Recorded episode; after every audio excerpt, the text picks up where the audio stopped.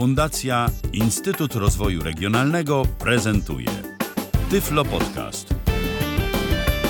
Dzień dobry, witam ponownie w moim saloniku, a ze mną jest Donata Kończyk, czyli superkoordynatorka albo nadkoordynatorka warszawska, która ma pod sobą, jak mi powiedziała w rozmowie kilka dni temu, kilkuset koordynatorów lokalnych. Ale zanim do tego przejdziemy, to najpierw chciałem Cię Donato przywitać. Dzień dobry. Dzień dobry Jacku, dzień dobry Państwu. I zapytać, czy pamiętasz skąd się znamy i kiedy się poznaliśmy? Pamiętam, pamiętam, że to było na Uniwersytecie Warszawskim. Ty byłeś studentem, a ja byłam pracownikiem biura do spraw osób niepełnosprawnych w strukturach Uniwersytetu Warszawskiego. Tak. Zgadza się. A potem też współpracowaliśmy. Nie wiem, czy pamiętasz taki wyjazd do Krakowa, gdzie oboje w strasznym stresie musieliśmy po angielsku robić prezentację. Tak, znaczy ja pamiętam, że tu kilka jakby takich było momentów na pewno i ten projekt dotyczący wsparcia, który był equalowy, bo jak rozumiem o nim mówisz i współpraca w ramach działań Fundacji Instytut Rozwoju Regionalnego, to takich pewnie zawodowych parę momentów, gdzie te kroki jak najbardziej pamiętam, że się nam przecinały. No tak, i to znaczy, że w dostępności nie siedzisz od wczoraj, a nie od przedwczoraj, tylko od ilu lat? Można by było powiedzieć od 18, ale chyba więcej niż od 18.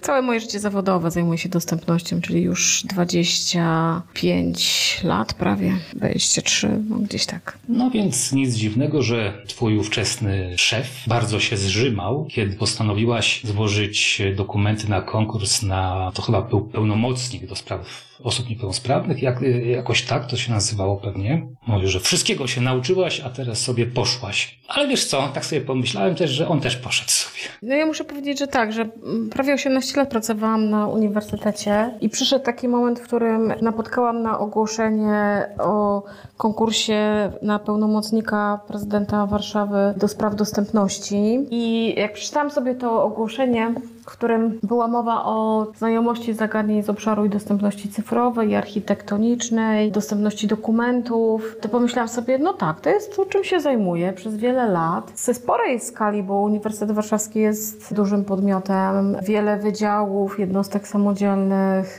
mnóstwo budynków, w których są realizowane i zajęcia dydaktyczne, ale też i sporo budynków przeznaczonych na inne cele, teren zabytkowy, więc faktycznie jakby tych kwestii, chociażby ze względu na podmiot dużo. No ale wydawało mi się, że działania w mieście stołecznym Warszawa, no to skala makro, a nie mikro i może być to ciekawe wyzwanie. No i tak myślę, że z perspektywy pięciu i pół roku, bo tyle pracuję w strukturach miasta, to mogę powiedzieć, że faktycznie wyzwanie i zadanie w skali makro bardzo ciekawe.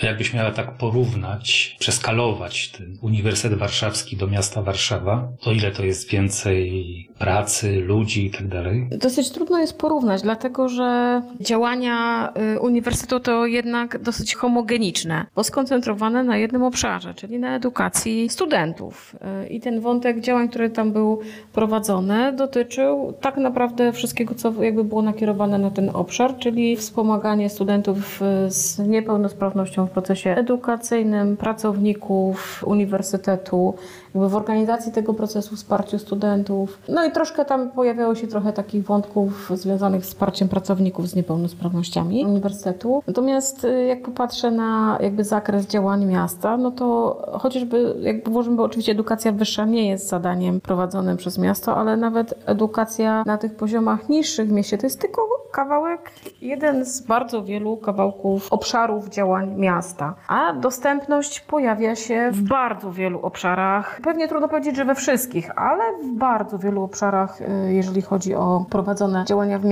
więc wydaje mi się, że to jest nieporównywalne jakby ze względu na ilość tematów i zagadnień i ich po prostu różnorodność. No dobrze, skoro nie chcesz porównywać, to przynajmniej opowiedz. Najpierw chciałbym, żebyś powiedziała, ilu tych koordynatorów dostępności jest w Warszawie. Odpowiedź na to pytanie nie, jakby nie do końca pokazuje, z czym się mierzymy. Ja za chwilę e, odpowiem, tak bardziej konkretnie. Natomiast powiem, że jak zaczęłam być pełnomocnikiem do spraw dostępności, to był moment, w którym nie było jeszcze mowy o ustawie, o zapewnianiu dostępności, jak, żadnych jakichś pomysłów na koordynatorów do spraw dostępności w podmiotach publicznych. To to był moment, w którym w Warszawie zostało wyznaczonych 60 koordynatorów do spraw dostępności w części biur Urzędu Miasta i w części części jednostek organizacyjnych oraz również była taka rekomendacja i to się zadziało w odniesieniu do kilku osób prawnych, czyli głównie spółek miejskich w Warszawie. I ten y, zespół składający się z 60 osób, koordynatorów, którzy w swoich miejscach pracy pracowali nad wdrożeniem dostępności, głównie standardów dostępności architektonicznej, które były przyjęte w Warszawie, ale nie tylko. Przez 3,5 roku jakby w takim,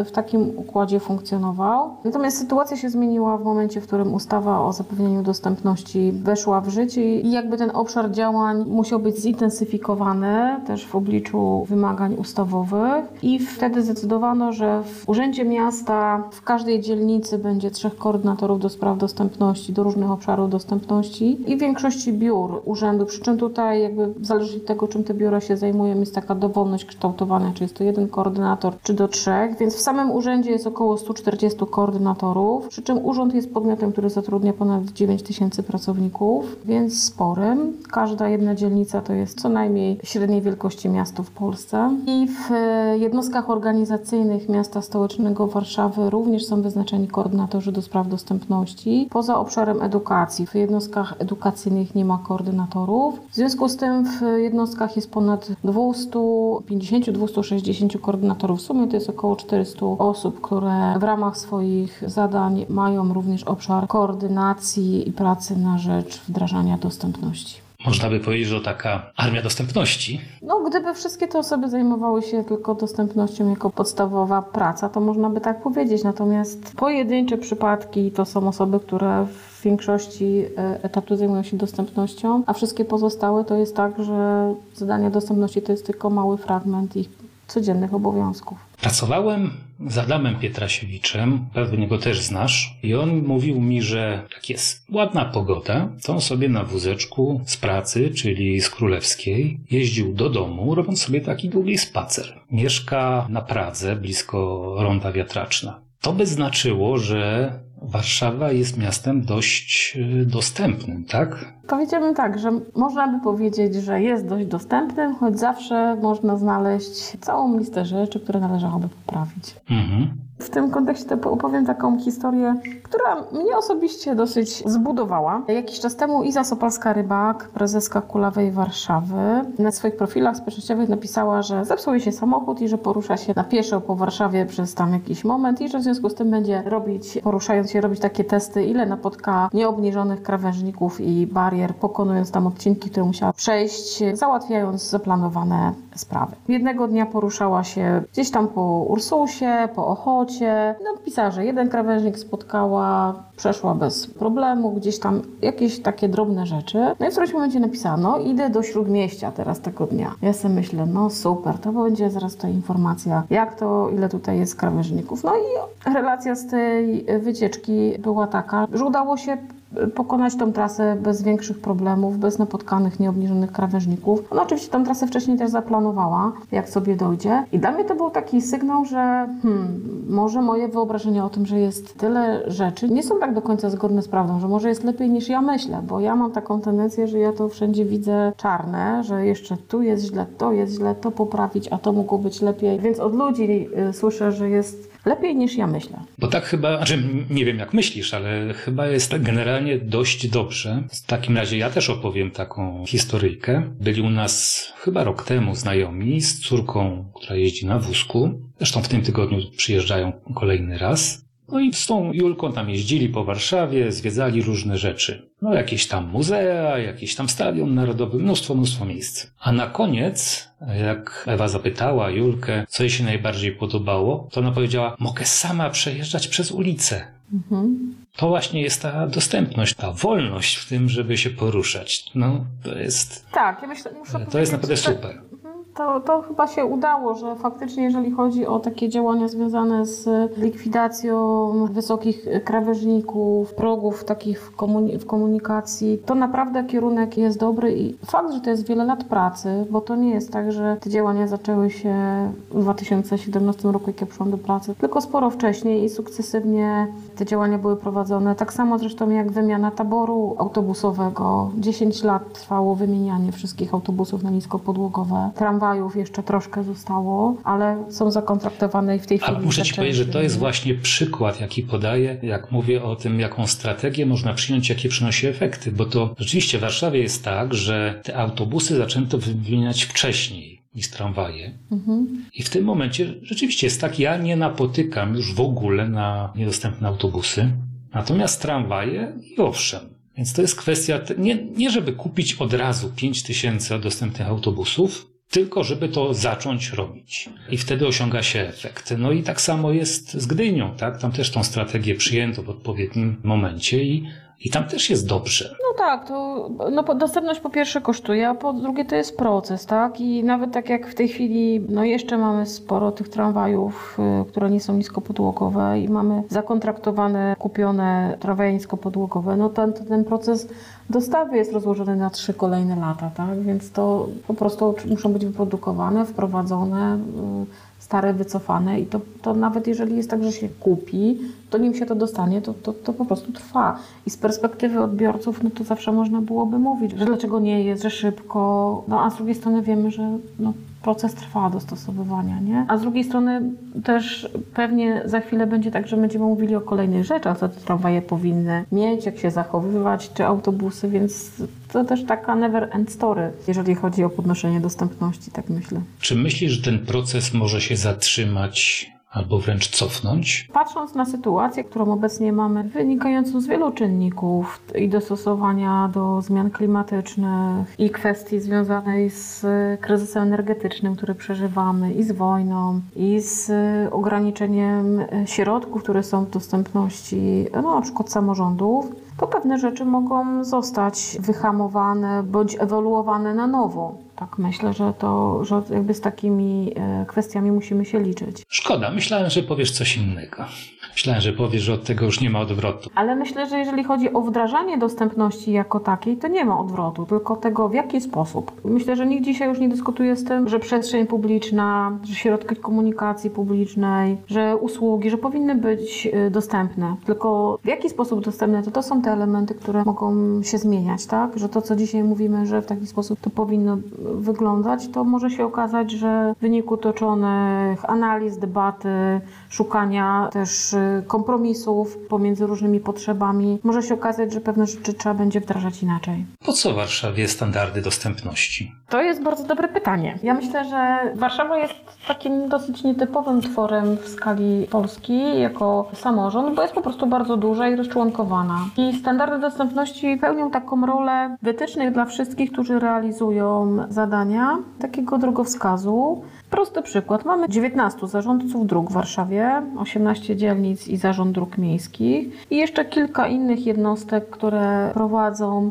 działania inwestycyjne w obszarze dróg lub przestrzeni takich wspólnych. W związku z tym y, i każdy z nich jakby sam ma te uprawnienia związane z projektowaniem, z realizowaniem inwestycji na swoim terenie. No i po to, żeby po pierwsze uspójnić te rozwiązania, żeby dla wszystkich mieszkańców one były czytelne, jednakowe, żeby ktoś, kto przyjedzie z Białołęki na Ursynów czy z Targówka do Ursusa, przechodząc przez ulicę, wsiadając do y, tramwaju, żeby te rozwiązania na jakby w przestrzeni były porównywalne, bo to jest też taki element, który jest potrzebny dla poczucia bezpieczeństwa.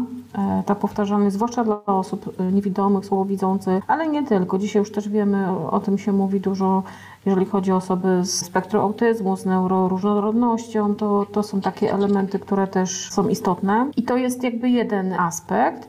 I drugi aspekt to jest, żeby można było w taki sposób kontrolowany planować działania inwestycyjne i mieć świadomość, że te środki, które są wydawane na inwestycje, są wydawane też z uwzględnieniem potrzeb osób o ograniczonej mobilności i percepcji, bo tutaj od początku jakby y, była mowa, że nie chodzi tylko o osoby z niepełnosprawnościami, ale również o inne grupy osób, które potrzebują rozwiązań wspomagających, czy to w przestrzeni, czy w kształtowaniu usług. Mówisz o poczuciu bezpieczeństwa. Zapytam w takim razie, czy nie czujesz takiego ryzyka, że w którymś momencie pojawią się przepisy na poziomie krajowym i to, co robiliście przez tyle, tyle lat, wydaliście mnóstwo pieniędzy, trzeba będzie znowu zmieniać. Mhm.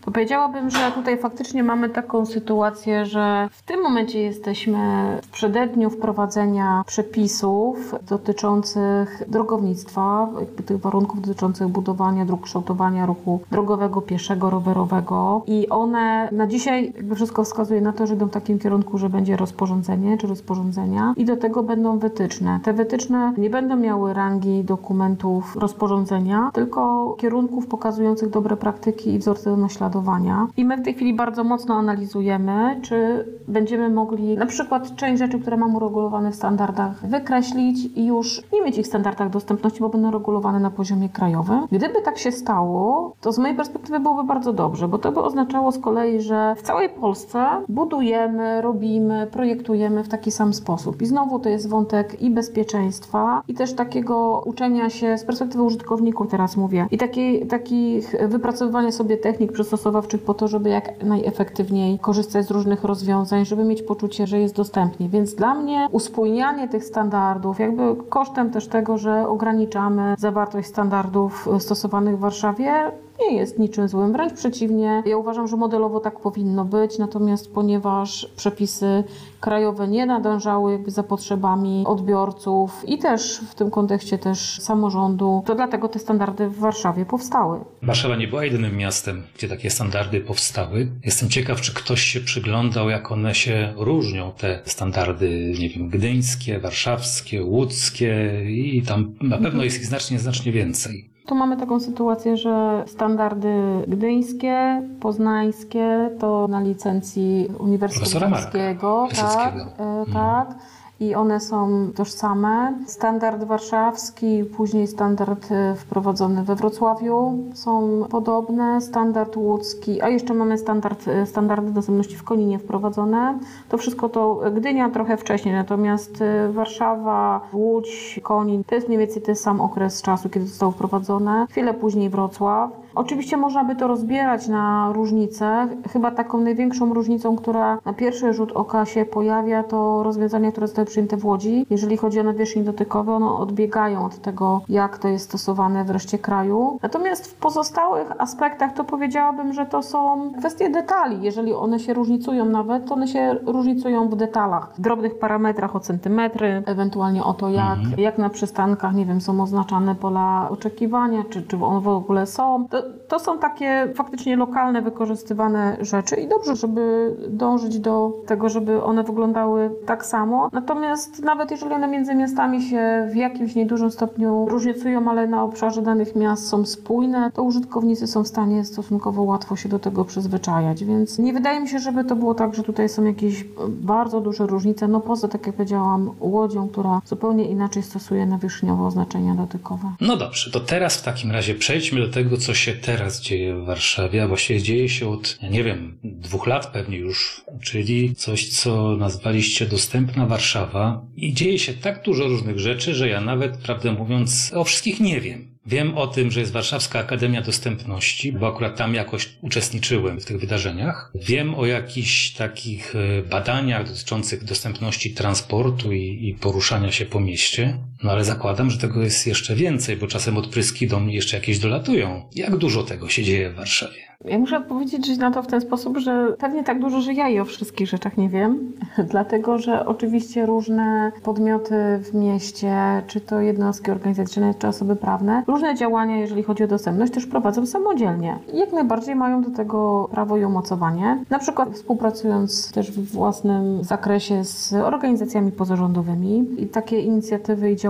się dzieją, ale faktycznie w sposób taki uporządkowany, jakby z poziomu koordynacji działań, który jest realizowany przeze mnie jako pełnomocnika i Wydział Dostępności, który jakby do tego został powołany do koordynacji wdrażania dostępności w Warszawie. To jest też wydział, który od dwóch lat w Warszawie w strukturach urzędu jest. No to mamy w tej chwili dwa takie duże projekty. Jeden projekt to właśnie Warszawska Akademia Dostępności, realizowane nasze zlecenie przez Fundację Kultury Bez Barier. We współpracy z partnerami, partnerami w tym projekcie fundacji jest Integracja i Fundacja Widzialni i Dostępni EU jako też podmiot. Sami znajomi. Tak, no wszystko to są organizacje, firmy działające na rzecz dostępności od wielu lat. Ten projekt projekt powstał jako taki pomysł wsparcia koordynatorów do spraw dostępności i wsparcia w taką rzetelną wiedzę osób, które w Warszawie mają się zajmować dostępnością. Wiedzieliśmy, że w momencie, w którym ustawa o zapewnieniu dostępności wprowadza ten obowiązek koordynacji dostępności i że jakby ze względu na jak dużym podmiotem jest Warszawa, że nie ma możliwości realizacji tego wprost przez jedną osobę czy jeden wydział nawet, że to musi być działanie rozproszone i wszędzie tam, gdzie prowadzone są działania, to ktoś też powinien być i patrzeć na to, co się dzieje, jeżeli chodzi o dostępność, wspierać współpracowników, jakoś ten wątek zapewnienia dostępności też o niego dbać. I w związku z tym ten projekt, w ramach którego założyliśmy, że zostanie przeprowadzony kurs dla koordynatorów do spraw dostępności. Kurs to mniej więcej był taki 100-godzinny kurs, tak to zakładaliśmy w praktyce. Tutaj troszkę, troszkę inaczej nam to wyszło, ale takie założenie było, że to będzie 100 godzin kurs dla około 200 osób, koordynatorów do spraw dostępności z urzędu i z części jednostek organizacyjnych. I ten kurs składał się z części takiej wykładowo-teoretycznej oraz później z warsztatów i szkoleń w małych grupach, już takich sfokusowanych na obszary tematyczne, bo też wiadomo, że ci koordynatorzy w różnych działach pracują. Są osoby, które pracują e, w podmiotach zajmujących się drogami, zielenią, inne osoby pracują w podmiotach zajmujących się wsparciem osób starszych, czy tam wprost pomocy społecznej, więc sporo obszarów, więc to tak podzieliliśmy też na takie obszary dostępności cyfrowej, architektonicznej, ale też był taki moduł, jak ktoś nie chciał się jakoś bardzo profilować, to też taki moduł ogólny. I w sumie ten blok był 80-godzinny, tak nam wyszło i później koordynatorzy mogli również skorzystać jakby uzupełniająco z takiej oferty szkoleń stricte tematycznych uzupełniających. Więc w ten sposób wyszło nam takie bloki 100-godzinne i to było dla koordynatorów do spraw dostępności. Oprócz tego dla pracowników jednostek organizacyjnych i też urzędu były w ramach tego projektu organizowane szkolenia z dostępności cyfrowej prowadzone przez Fundację Widzialni. W tej chwili trwają szkolenia dla pracowników obsługi, którzy pracują w jednostkach organizacyjnych,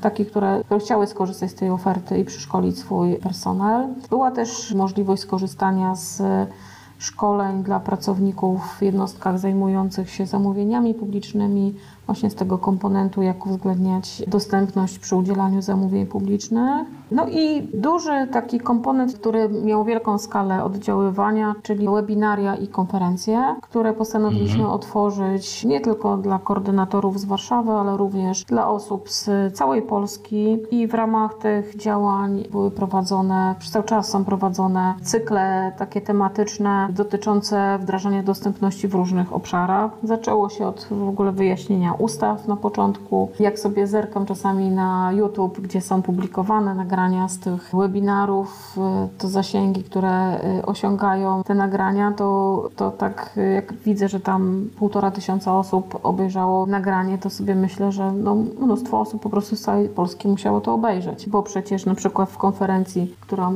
organizowaliśmy w 2021 roku w maju, w ubiegłym roku ponad tysiąc, tysiąc osób prawie wzięło udział w tej konferencji, a kolejne kolejne tysiąc obejrzało to na YouTubie. Więc myślę, że już naprawdę ci, którzy zajmują się dostępnością cyfrową bądź chcą coś się dowiedzieć, to, to do tego materiału mogli sięgnąć. No i to, co myślę, że bardzo cieszy, to to, że te materiały zbierają taką bardzo pozytywną opinię dotyczącą ich jakości merytorycznej. I to jest. Zgadza taki, się, potwierdzam. I to jest taki element, który mnie bardzo cieszy, że dzięki temu udało się taki kaganek oświaty ponieść i, i mam też nadzieję, że dzięki temu koordynatorzy w dostępności w Warszawie, ale pewnie nie tylko, mają więcej wiedzy, dobrych przykładów, też e, informacji, jak docierać z dostępnością, jak ją wdrażać w swoich podmiotach. Więc to jest taki element, który w ramach właśnie Warszawskiej Akademii Dostępności był realizowany. Jeszcze jedno działanie w ramach WAD-u to spotkania sieciujące. To jest jeszcze jeden taki element, który wdrożyliśmy. Zależało na tym, żeby zbudować sieć koordynatorów. O ile koordynatorzy ci, którzy są wyznaczeni w Urzędzie Miasta, to pracują, jest, e, jakby razem pracujemy w zespole do spraw dostępności, więc w ramach tego zespołu spotykamy się cztery razy do roku, omawiając zagadnienia. Dwa razy to są takie spotkania całego zespołu, a później spotykamy się w trzech podzespołach do trzech różnych rodzajów dostępności, omawiając stricte zagadnienia i sposoby wdrażania, planowane działania w ramach tych podzespołów. O tyle koordynatorzy do, z jednostek jakby nie są ubrani w taką y, strukturę zespołu, ze względu na to, że tych osób jest y, po prostu dużo. W związku z tym taki był nasz pomysł, żeby spróbować zbudować sieć koordynatorów i w ramach tej sieci właśnie na początku organizowaliśmy też takie spotkania z ekspertami tematyczne po to, żeby jeszcze wesprzeć koordynatorów, wiedzę z różnych obszarów, które nam się pojawiały też w związku z wymaganiami ustawowymi. W tym roku działamy troszkę inaczej, bo spotykamy się z koordynatorami w sektorach, czyli z koordynatorami którzy działają w instytucjach kultury, z placówek służby zdrowia, które podlegają pod miasto, sportu i wtedy jakby troszkę inaczej, bo rozmawiamy stricte o takich kwestiach, które są specyficzne dla poszczególnych branż. Wspólną taką platformę. Tak, no tak, te same problemy, te same wyzwania, mhm. sposób wdrażania, więc w tym roku to w ten sposób pracujemy i to jeszcze w tym roku jest część Warszawskiej Akademii Dostępności, czyli projektu zewnętrznego. Przyszłego roku będziemy to w ramach e, już działań własnych e, prowadzić i realizować. Natomiast takim działaniem jeszcze uzupełniającym, wspierającym koordynatorów, które wprowadziliśmy już dawno, to są pogaduchy, warszawskie pogaduchy o dostępności. To są spotkania koordynatorów ze mną, otwarte. Na początku, jak to wdrażanie... Poczekaj, poczekaj. Otwarte znaczy, że każdy może przyjść? Koordynatorzy warszawscy, tak. mogą, mhm. koordynatorzy warszawscy jak najbardziej. Więc jest to spotkanie dla koordynatorów, którzy pracują w jednostkach organizacyjnych, osobach prawnych w mieście. I takie spotkanie, na którym osoby, jeżeli mają jakieś pytania, zagadnienia do omówienia, to to jest czas na to, żeby w, w takiej formule otwartej z innymi osobami, innymi koordynatorami o tym porozmawiać. Wcześniej się spotykaliśmy raz w tygodniu, w tej chwili te spotkania są raz w miesiącu. I to jest taki dobry, dobry czas na to, żeby też w takiej atmosferze atmosferze zrozumienia o różnych kwestiach i po, poprzypominać sobie i, i pokazać, jak kto sobie z jakimś problemem poradził, więc to też taki element z jednej strony szansy na różne pytania, rozwiązywanie szybko bieżących kwestii. Oczywiście często się tam zdarza, że przy skomplikowanych jakichś kwestiach potrzebujemy to przenieść później na jakąś indywidualną pracę, ale wiele kwestii udaje się w ten sposób załatwić. I co ciekawe, dzięki temu, że jest to taka formuła otwarta, to często koordynatorzy nawzajem sobie podpowiadają, jak e, coś zrobili, gdzie coś znaleźć, jak sobie z tym poradzić, a ja tak, a ja tak, a u mnie to to. Taki bardzo też myślę e, fajny czynnik motywowania się nawzajem do działań, więc ja bardzo te spotkania też cenię. Ja też takie spotkania organizuję. One są raz miesiącu. Nazwaliśmy to sobie Izba Rzemiosła Dostępnością. Znaczy ja nazwałem, przyznaję. Mhm.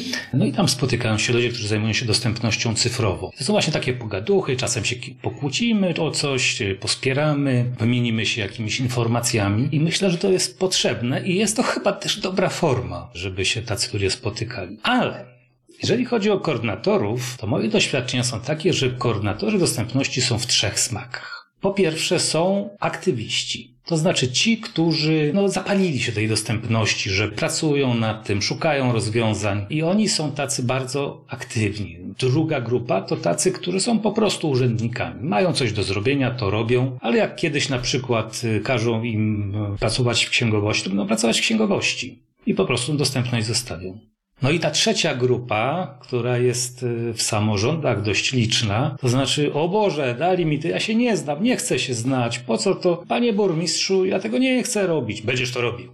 Powiedz mi, jak to jest? Jaka jest struktura tych twoich koordynatorów? Ja myślę, że te trzy smaki występują w wielu miejscach i moje doświadczenie też jest takie, ale też mam takie doświadczenie, że temat można oswajać i że czasami jest, zdarza się tak, że ktoś protestuje rękoma i nogami przed tym, że tutaj został wyznaczony, że ma jakieś zadania realizować, a on ma tysiąc innych, a w ogóle to się na tym nie zna. Po czym po właśnie przejściu szkolenia, po jakiejś chwili refleksji okazuje się, że takie osoby w taki uporządkowany sposób też potrafią być bardzo skuteczne, rozsądnie myślące, więc nie zawsze jakby zapał i och, ach jakby jest wystarczający.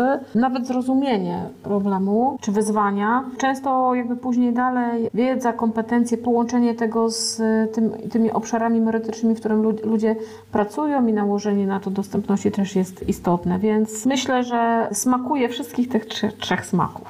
No już e, z grubsza uzgodniliśmy, że dostępność architektoniczna w Warszawie ma wysoki priorytet i jest dużo zrobione. Co z pozostałymi obszarami dostępności? Ja bym jeszcze chyba wróciła do Twojego poprzedniego pytania, właściwie jeszcze wcześniejszego, bo powiedziałam tylko o Warszawskiej Akademii Dostępności. Drugim takim y, projektem, który jest dla nas realizowany w tej chwili, też powoli finalizowany, to jest projekt, który jest realizowany przez Fundację Polska Bez Barier we współpracy z FADO i STUSem, dotyczący aktualizacji. No to jest architektoniczne. Tak, to jest architektoniczna, dotycząca aktualizacji standardów dostępności architektonicznej i upowszechniania jakby wiedzy z tego obszaru. W ramach tego projektu właśnie po pierwsze jest przygotowywana i, i, mam nadzieję, że powoli zmierzamy do finału aktualizacja standardów dostępności architektonicznej, w ramach której też wprowadzamy ten obszar dostępności budynków, ponieważ on w standardach dostępności w Warszawie był do tej pory tylko y, tak zamarkowany bardzo delikatnie.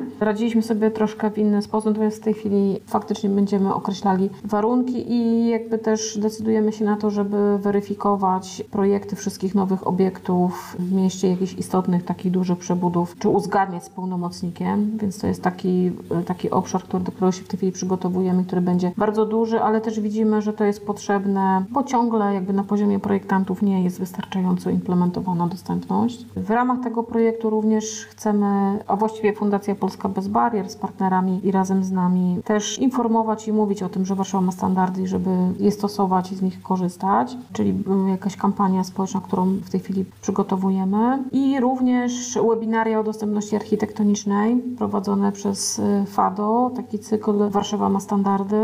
Tych webinarów w sumie w ramach tego projektu 8 ma się odbyć i były prowadzone szkolenia w momencie, w którym weszła w życie ustawa i standardy przez Fundację y, TUS dla pracowników urzędu, jednostek organizacyjnych, właśnie ze standardów dostępności i z wymagań ustawowych, jeżeli chodzi o dostępność architektoniczną. Więc to takie duże drugie działanie, które było realizowane, jeszcze ciągle jest w toku y, jeżeli chodzi o takie upowszechnianie wdrażania dostępności. A jak ci jest z tym, że w tym konsorcjum jest y, spółdzielnia FADO, która jest autorem łódzkich standardów, o których mówiłaś właśnie, że one najbardziej się różnią od pozostałych. One się najbardziej różnią, jeżeli chodzi o stosowanie nawierzchni dotykowych, natomiast nie jeżeli chodzi o podejście do wdrażania dostępności i stosowania innych rozwiązań, więc ja tutaj jakoś nie mam takiego poczucia, że to jest coś nie na miejscu. Natomiast to, co ja jakoś przeżywam, to mam takie poczucie, że każdy, kto gra do tej samej bramki,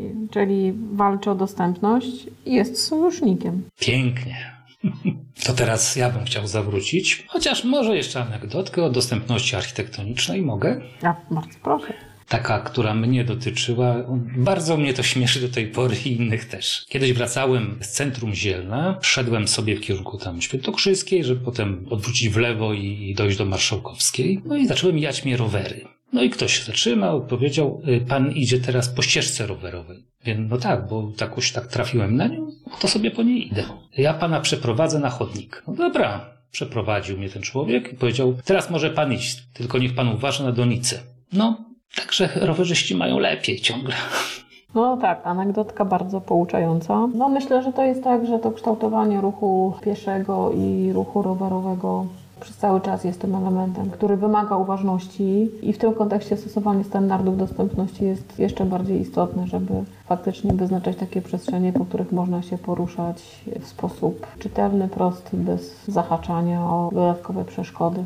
Równocześnie czasem brakuje takiego dobrych rozwiązań. Mnie osobiście na przykład bardzo przeszkadza ilość słupków, która jest w mieście. Wiem, że jest to rozwiązanie, które dla wielu użytkowników poruszających się po chodnikach jest trudne. A z drugiej strony na dzisiaj nie ma przez cały czas wypracowanych, znalezionych jakichś innych dobrych sposobów, jak sobie z tym nadmiernym parkowaniem poradzić. I muszę powiedzieć, że pojechałam do Wrocławia w której mieszkałam przez jakiś czas. Pojechałam do Wrocławia dwa lata temu, czy półtora roku temu i z przerażeniem zobaczyłam, że Wrocław też został tak obsługowany. I pomyślałam sobie, że no tak. Ja oczywiście często słyszę, że no Straż Miejska i mandaty, tylko to, to jest kwestia kultury, w której żyjemy, że ludzie dopóki widzą miejsce i parkują, jest im wszystko jedno i trochę nie wiadomo, jak sobie z tym poradzić, więc nie chcę powiedzieć, że to jest jakby bezradność i bezsilność i że słupek jest dobry na wszystko, ale no nagle się okazuje, że lepiej, że żeby stał słupek, niż żeby stał samochód, który nie wiadomo kiedy się pojawi, jest albo go nie ma. Ja usłyszałem inną odpowiedź w tak? tej sprawie, uh-huh.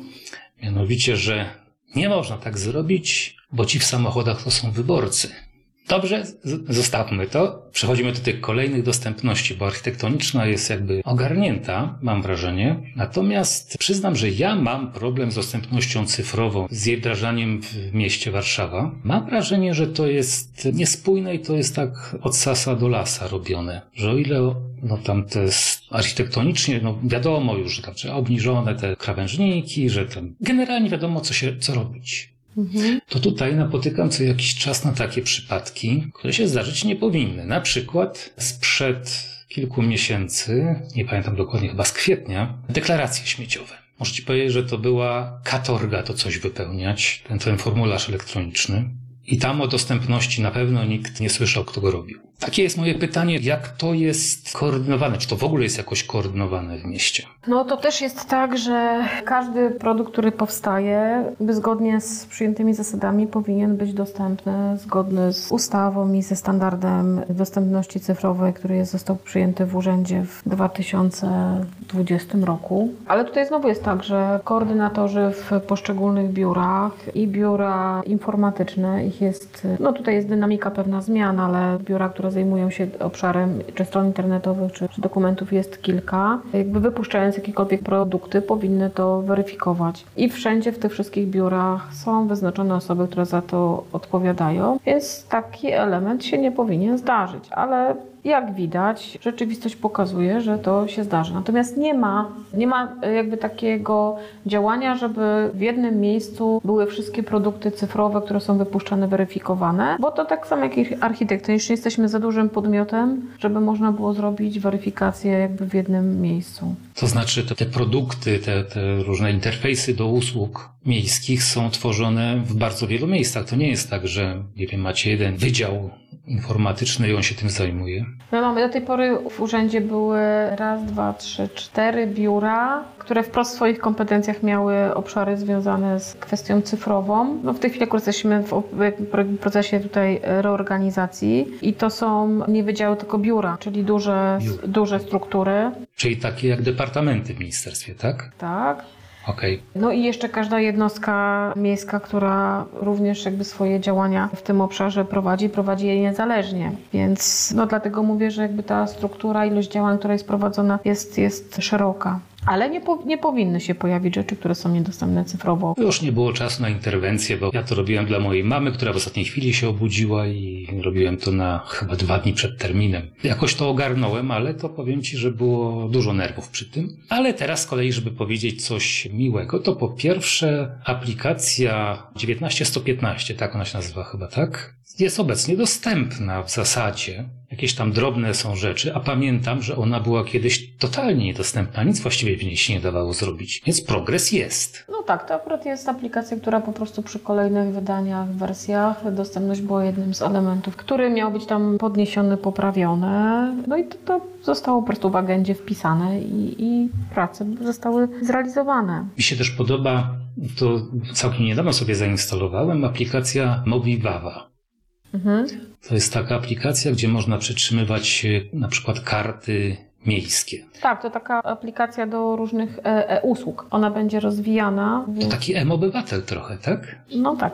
I co tam jeszcze będzie? To powiedz trochę. Jeżeli coś wiesz, to powiedz. Nie znam dokładnie tego produktu, więc nie, nie, nie jest on jakoś ani przeze mnie prowadzony, ani oglądany, więc nie, niewiele więcej tutaj mogę powiedzieć. Oprócz tego, że wiem, że jest i że jakby docelowo właśnie ma być takim produktem, w którym, w którym są właśnie, pojawiają się kwestie związane z dostępem do, do różnego rodzaju usług. Tak jak nowy portal właśnie taki usługowy Warszawy. No i tutaj faktycznie jakby przy wdrażaniu tego te wątki dostępności są zabezpieczane. My też korzystamy, mamy przez cały czas, oprócz tego, że w swoich strukturach jakoś tam dbamy o to, żeby pojawiały się, pracowały osoby, które mają kompetencje w zakresie dostępności cyfrowej, to również mamy stałą taką umowę otwartą z podmiotem zewnętrznym specjalizującym się w dostępności cyfrowej, też po to, żeby audytować produkty, które są wypuszczane. Przy czym to mhm. bardziej właśnie dotyczy takich działań, które są związane z nowymi portalami, rozwiązaniami rozwiązaniami takimi kompleksowymi. A wydaje mi się, że deklaracje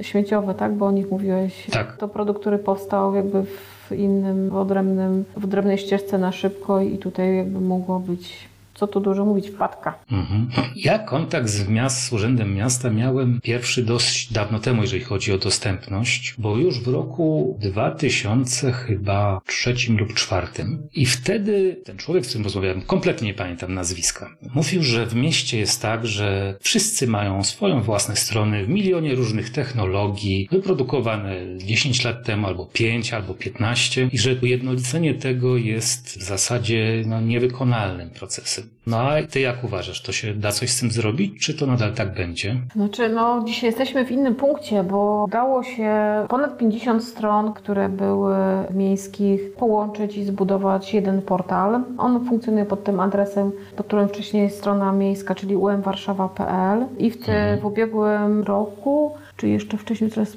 może mi się to mylić, ale 2021 ta strona, tak, w 2021 w maju została uruchomiona ta nowa odsłona portalu informacyjnego Urzędu Miasta, on tak, on tak się nazywa PIUF u nas jako, jako strona. To jest, zostało 50 stron połączonych w jeden taki spójny system. Również wyszukiwarka działa na 40 kolejnych. Jakby z, I to było, zostało wprowadzone z takim założeniem dołączania kolejnych serwisów miejskich, przenoszenia na tą stronę i to się sukcesywnie dzieje. Część również jednostek organizacyjnych ze swoimi zasobami informacyjnymi została dołączona do tego portalu, więc ten proces jest w toku i muszę tutaj powiedzieć, że też ten wątek zapewnienia dostępności portalu był też takim procesem długofalowym i trudnym, ale zakończonym w miarę pozytywnie. Ta strona w rankingu dostępności publikowanym przez Fundację Widzialni tym corocznym została oceniona jako najlepiej przystosowana strona samorządowa z tych, które były oceniane, wysoko y, oceniona, jeżeli chodzi o dostępność. Są elementy, które tam w użyteczności, które, nad którymi jeszcze musieliśmy popracować. One też, y, znaczna część z nich została jeszcze później zmodyfikowana w kole, kolejnej edycji poprawek, która była implementowana. No i to jest bardzo duży serwis. On ma wiele redakcji lokalnych, oprócz takiej redakcji glo- globalnej. Troszkę takie, takie rozwiązanie jak gov.pl, tylko w skali To mniejszej. samo porównanie przyszło Tak, mi do trochę w skali wiesz? mnie, tak, trochę w skali mniejszej, jakby, no bo nie na cały kraj, tylko na Warszawę, ale jakby mechanizm jest dokładnie taki sam. Mnóstwo redakcji globalnych, redaktorzy, którzy publikują sieci, też wszyscy przeszkoleni, jeżeli chodzi o zapewnienie dostępności, więc tutaj, a nie tylko prosty język też, tak, bo to taki element, którym też w urzędzie bardzo w tej chwili y, pracujemy, przykładamy dużo uwagi, żeby w taki sposób pisać. Więc to są takie elementy, które się udało. Myślę, że są całkiem sporym sukcesem, bo pamiętam, jak przyszłam do pracy w urzędzie, to jeden z pierwszych tematów to był wątek strony internetowe, żeby zobaczyć, jak one wyglądają, jeżeli chodzi o dostępność. No i wtedy była mowa, że, że będzie nowa strona. No i tak sporo czasu to upłynęło, tak? Bo to 2017 rok, a 2021 odpalone. I muszę powiedzieć, że jakby realizacja tej podstawowej umowy to była prawie dwa lata, więc to wbrew pozorom naprawdę też trwa. Dlatego myślę, że odpowiadając na to pytanie, to się po prostu zmieniło. To już nie, że, że czy się da, tylko to się zmieniło. To ja Ci teraz zadam pytanie, które może być dla Ciebie trudne, ale po moich przejściach w Ministerstwie Cyfryzacji zawsze mnie ciekawi. Czy łatwiej jest y, dostępność wdrażać na zewnątrz czy wewnątrz? Myślę, że wewnątrz jest trudniej zbudować sobie zrozumienie, ale w momencie, w którym się przejdzie jakby pewien proces i budowania świadomości i zrozumienia, że to jest potrzebne i to zajmuje czas i jest jakby potrzebne też do takiego przepracowania, to później to nie jest jakoś szczególnie trudniejsze niż na zewnątrz. Oczywiście z reguły jest tak i łatwiej się mówi o tym, że robienie czegoś dla klientów, mieszkańców na zewnątrz, że to jest jakoś tam y, priorytetowe i pierwsze, ale w tej chwili to bym nie powiedziała, że, jest, y, że to jest jakoś trudniejsze, tylko wymagało więcej czasu, takiej uważności, jakby przepracowania tematu, szkoleń. Na przykład my dwa lata temu robiliśmy taką Akademię Dostępności Menadżera, gdzie wszyscy burmistrzowie, dyrektorzy brali udział też w szkoleniu takim budującym, budującym świadomość. Jakby liczba tych szkoleń, która została przeprowadzona przez te pięć lat w urzędzie. W ostatnim czasie mieliśmy sporo szkoleń takich wewnętrznych i learningowych i z prostego języka i dotyczące zatrudniania osób z niepełnosprawnościami, tworzenia warunków pracy i szkolenie dotyczące dostępności dokumentów cyfrowych, które w tej chwili właśnie jest realizowane przez pracowników. To szkolenie mieliśmy też teraz taki duży cykl w tym pierwsze półrocze dotyczące uwzględniania dostępności przy udzielaniu zamówień publicznych, dotacji. To to wszystko jakby buduje i kształtuje świadomość, że to nie tylko na zewnątrz, ale do wewnątrz, bo wśród nas są pracownicy, współpracownicy, koledzy, koleżanki, którzy też z dostępności czerpią, potrzebują albo to im e, ułatwia pracę. Więc myślę, że no zawsze łatwiej argumentować, że na zewnątrz, bo mieszkańcy i tych mieszkańców jest dużo, pracowników jest mniej, ale dzisiaj już nikt nie dyskutuje, że to nie jest potrzebne. Czasami się pojawia pytanie o racjonalność pewnych rozwiązań taką kosztową. Czy, czy Bardzo to, celne pytanie. Czy to jest zasadne w sytuacji, w której mała grupa będzie korzystała z jakiegoś rozwiązania i tutaj no, tu, tu są zawsze takie wątki poszukiwania rozsądnego podejścia i zasadności, zwłaszcza kiedy się dysponuje środkami publicznymi i trzeba w głowie mieć, zwłaszcza po pewnych zmianach, które nastąpiły w ostatnim czasie, że to nie jest tak, że worek jest bez dna, tylko ma dno i konkretnie je widać i, i trzeba te środki przesuwać adekwatnie. I ja często sobie tak zadaję takie pytanie, czy wiedząc o tym, że to z jednej strony wypłacamy zasiłki ludziom, którzy nie mają co do garnka włożyć, a gdzieś z drugiej strony coś, co może trochę poprawi komfort, ale da się bez tego żyć, czy jest faktycznie potrzebne, czy nie, to to takie pytania się mi też pojawiają, tak? Po to, żeby tak sobie ewaluować, co faktycznie jest kluczowe, co należy wprowadzać, a gdzie trzeba włączać jakby taki, taki mechanizm tego, że trzeba patrzeć i robić to tam, gdzie faktycznie powinno być. Jak na tym tle byś oceniła plany typograficzne w metrze? No, plany typograficzne w metrze mamy sytuację taką, że mamy plany na pierwszej linii metra, takie, które były jako jeden projekt y, uzupełniane, takie te stalowe. Mamy na drugiej linii metra na odcinku centralnym plany stalowe troszkę inaczej wykonane i mamy plany, które na drugiej linii metra na stacjach trzech na Targówku i w tej chwili już chyba pięciu po stronie y, zachodniej i one się różnią od siebie, więc nie można tego na pewno tej oceny ujednolicić i uogólnić. Ale ja nie o tym, bo jakość wykonania to swoją drogą. Bardziej pytam, czy celowe jest robienie tych planów, czy ludzie z nich korzystają. Do mnie wracają informacje od osób niewidomych, że korzystają z planów. Nie, nie mam jakiejś bardzo dużej ilości głosów tutaj, ale wracają informacje, że ludzie korzystają nawet z tych planów, które ja osobiście mam co do nich wątpliwości, czyli tych, które stoją na tych peronach pierwszej linii metra, takie wysunięte o 6 metrów od schodów na środku. Usłyszałam od osób niewidomych, że czasami jak tak wyjdą się zamyślą, to sobie sprawdzają, na jakiej stacji są i w którą stronę powinny dalej pojechać. Nie wiem, ale taki głos usłyszałam, który mnie zadziwił trochę, więc takie informacje też się pojawiają. Na pewno skorzystanie z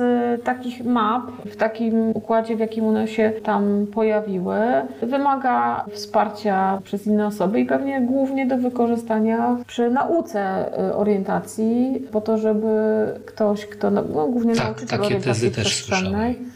To pewnie mhm. do, takiego, do czegoś takiego one mogą być wykorzystywane, tak?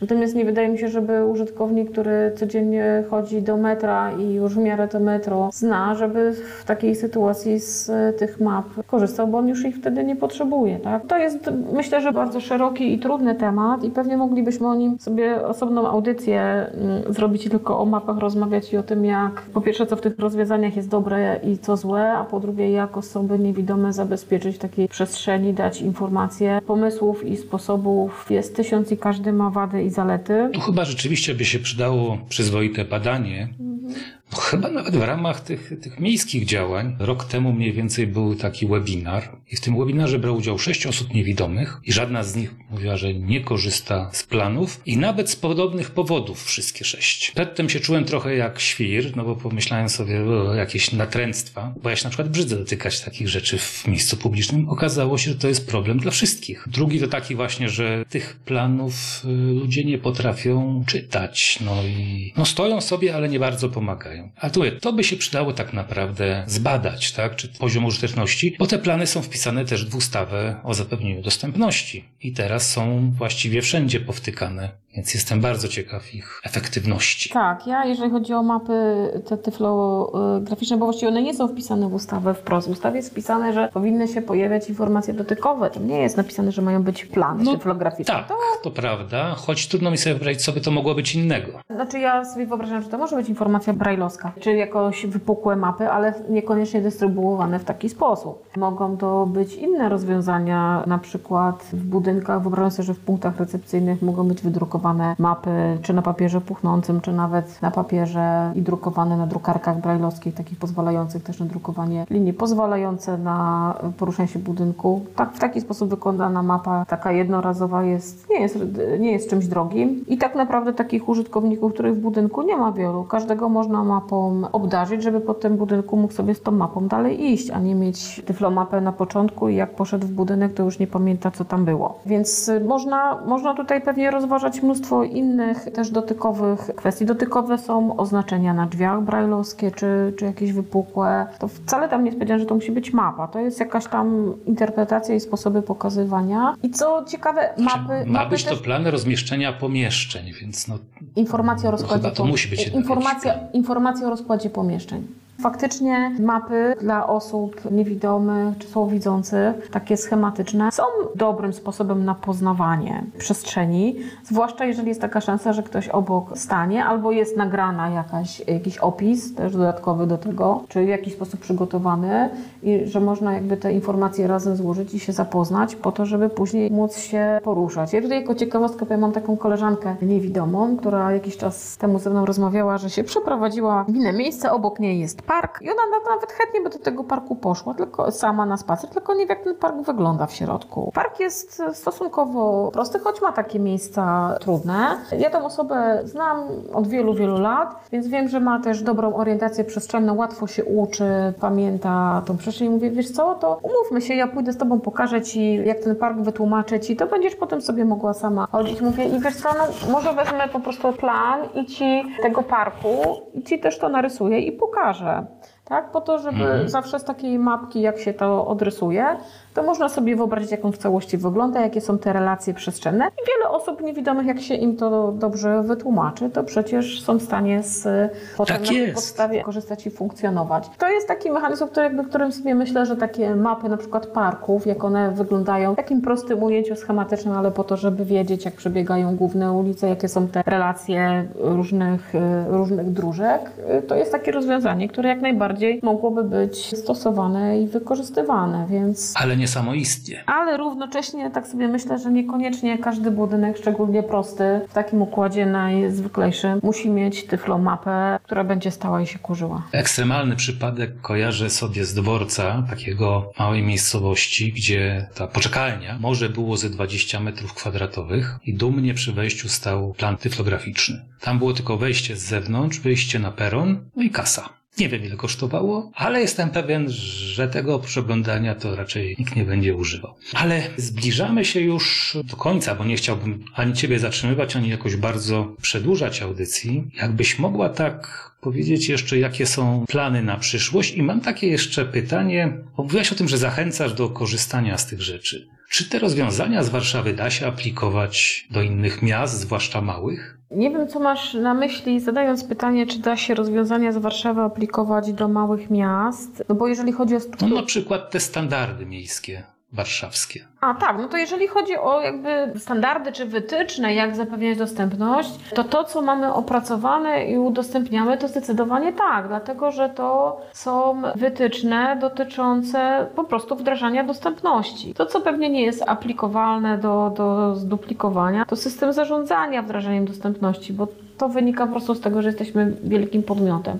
Ale sam fakt tego, tak jak mamy opracowane standardy dostępności architektonicznej, mamy opracowane standardy dostępności cyfrowej, które z jednej strony rozbierają dokładnie ustawę o dostępności cyfrowej stron internetowych, ale również opisują poszczególne wytyczne. Część to jest, y, są kwestie tego wskazując, wskazujące, jaki kierunek przyjęliśmy i chcemy, czyli nie są tak dokładnie wprost wynikające z ustawy, ale znaczna część to są po prostu takie rekomendacje, jak te wymagania ustawowe aplikować. No i mamy też opracowane wytyczne dotyczące wdrażania dostępności informacyjno-komunikacyjnej, gdzie mamy z jednej strony taki savoir vivre obsługi mieszkańca dziecka ze szczególnymi potrzebami, gdzie mamy opisane kwestie związane z korzystaniem z technologii wspomagających, słyszenie, w szczególności pętli indukcyjnych, też takie opracowanie, jak zamawiać te rozwiązania, na co zwrócić uwagę. Tak samo jeżeli chodzi o tłumacza migowego, jak zamawiać, na co zwrócić uwagę, jakie wymagania określać. Mamy rozpisane też w tych wytycznych, jak powinna, jak, jak, jak przyjęliśmy taki kierunek w Warszawie, jak powinna wyglądać informacja o zakresie działania podmiotu, jak ją przygotować w tekście łatwym do czytania i rozumienia i w języku migowym. To są takie elementy, które przepracowaliśmy też z myślą o naszych jednostkach i o tym, żeby to było spójne w skali Warszawy, ale jest jak najbardziej do wykorzystywania przez wszystkich. My to publikujemy na naszych stronach internetowych. Jak się wpisze strona wsparcie umwarszawa.pl, Warszawa dostępna, to tam publikowane są wszystkie te standardy i wytyczne. Mamy też opracowane wytyczne dotyczące zapewnienia dostępności wydarzeń dostępnych. Trochę ten obszar jeszcze w tej chwili przepracowujemy, ale to jest też takie kompendium wiedzy i podpowiedzi dobrych praktyk, więc to też jest taki zasób, z którego można korzystać bez względu na to, czy to jest Warszawa, Wrocław, czy, czy małe miasteczko. To tutaj myślę, że potrzeby ludzi są takie same i sposób zaspokajania, jeżeli chodzi o dostępność, też jest taki sam. Pięknie to powiedziałaś. No to co, Donato, to minutę dla Ciebie na zakończenie. Może chcesz jeszcze coś do kogoś zaprosić, nie wiem, poinformować o czymś, coś opowiedzieć? Nie, myślę, że jakoś tutaj nie mam specjalnych przesłań. Może tylko tyle, że dziwnie się poczułam, jak przedstawiałeś jako nadkoordynatorka czy speckoordynatorka. Raczej myślę, jakoś o sobie bardziej myślę, że przyszłam tutaj do pracy po prostu wdrażać dostępność, a przy okazji się zdarzyło, że weszła ustawa i jest koordynator, który w Warszawie to po prostu jest pełnomocnik. Mam takie marzenia, żeby Warszawa była miastem dostępnym dla wszystkich i żeby nie było tak, że idę ulicą i widzę, że jeszcze to trzeba poprawić, jeszcze to, jeszcze to, jeszcze to i, i że tyle rzeczy jest jeszcze do zrobienia. A z drugiej strony wiem, że dużo się udało zrobić i byliśmy ostatnio w Oslo na takiej wizycie studyjnej też z organizacjami pozarządowymi, które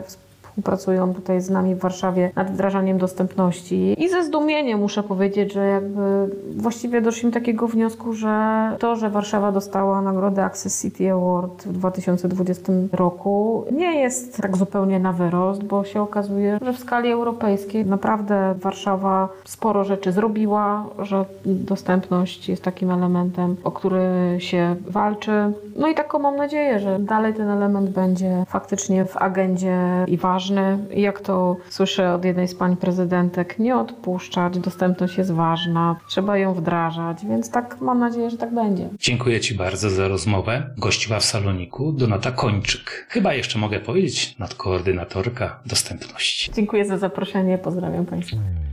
Był to Tyflo Podcast. Pierwszy polski podcast dla niewidomych i słabowidzących. Program współfinansowany ze środków Państwowego Funduszu Rehabilitacji Osób Niepełnosprawnych.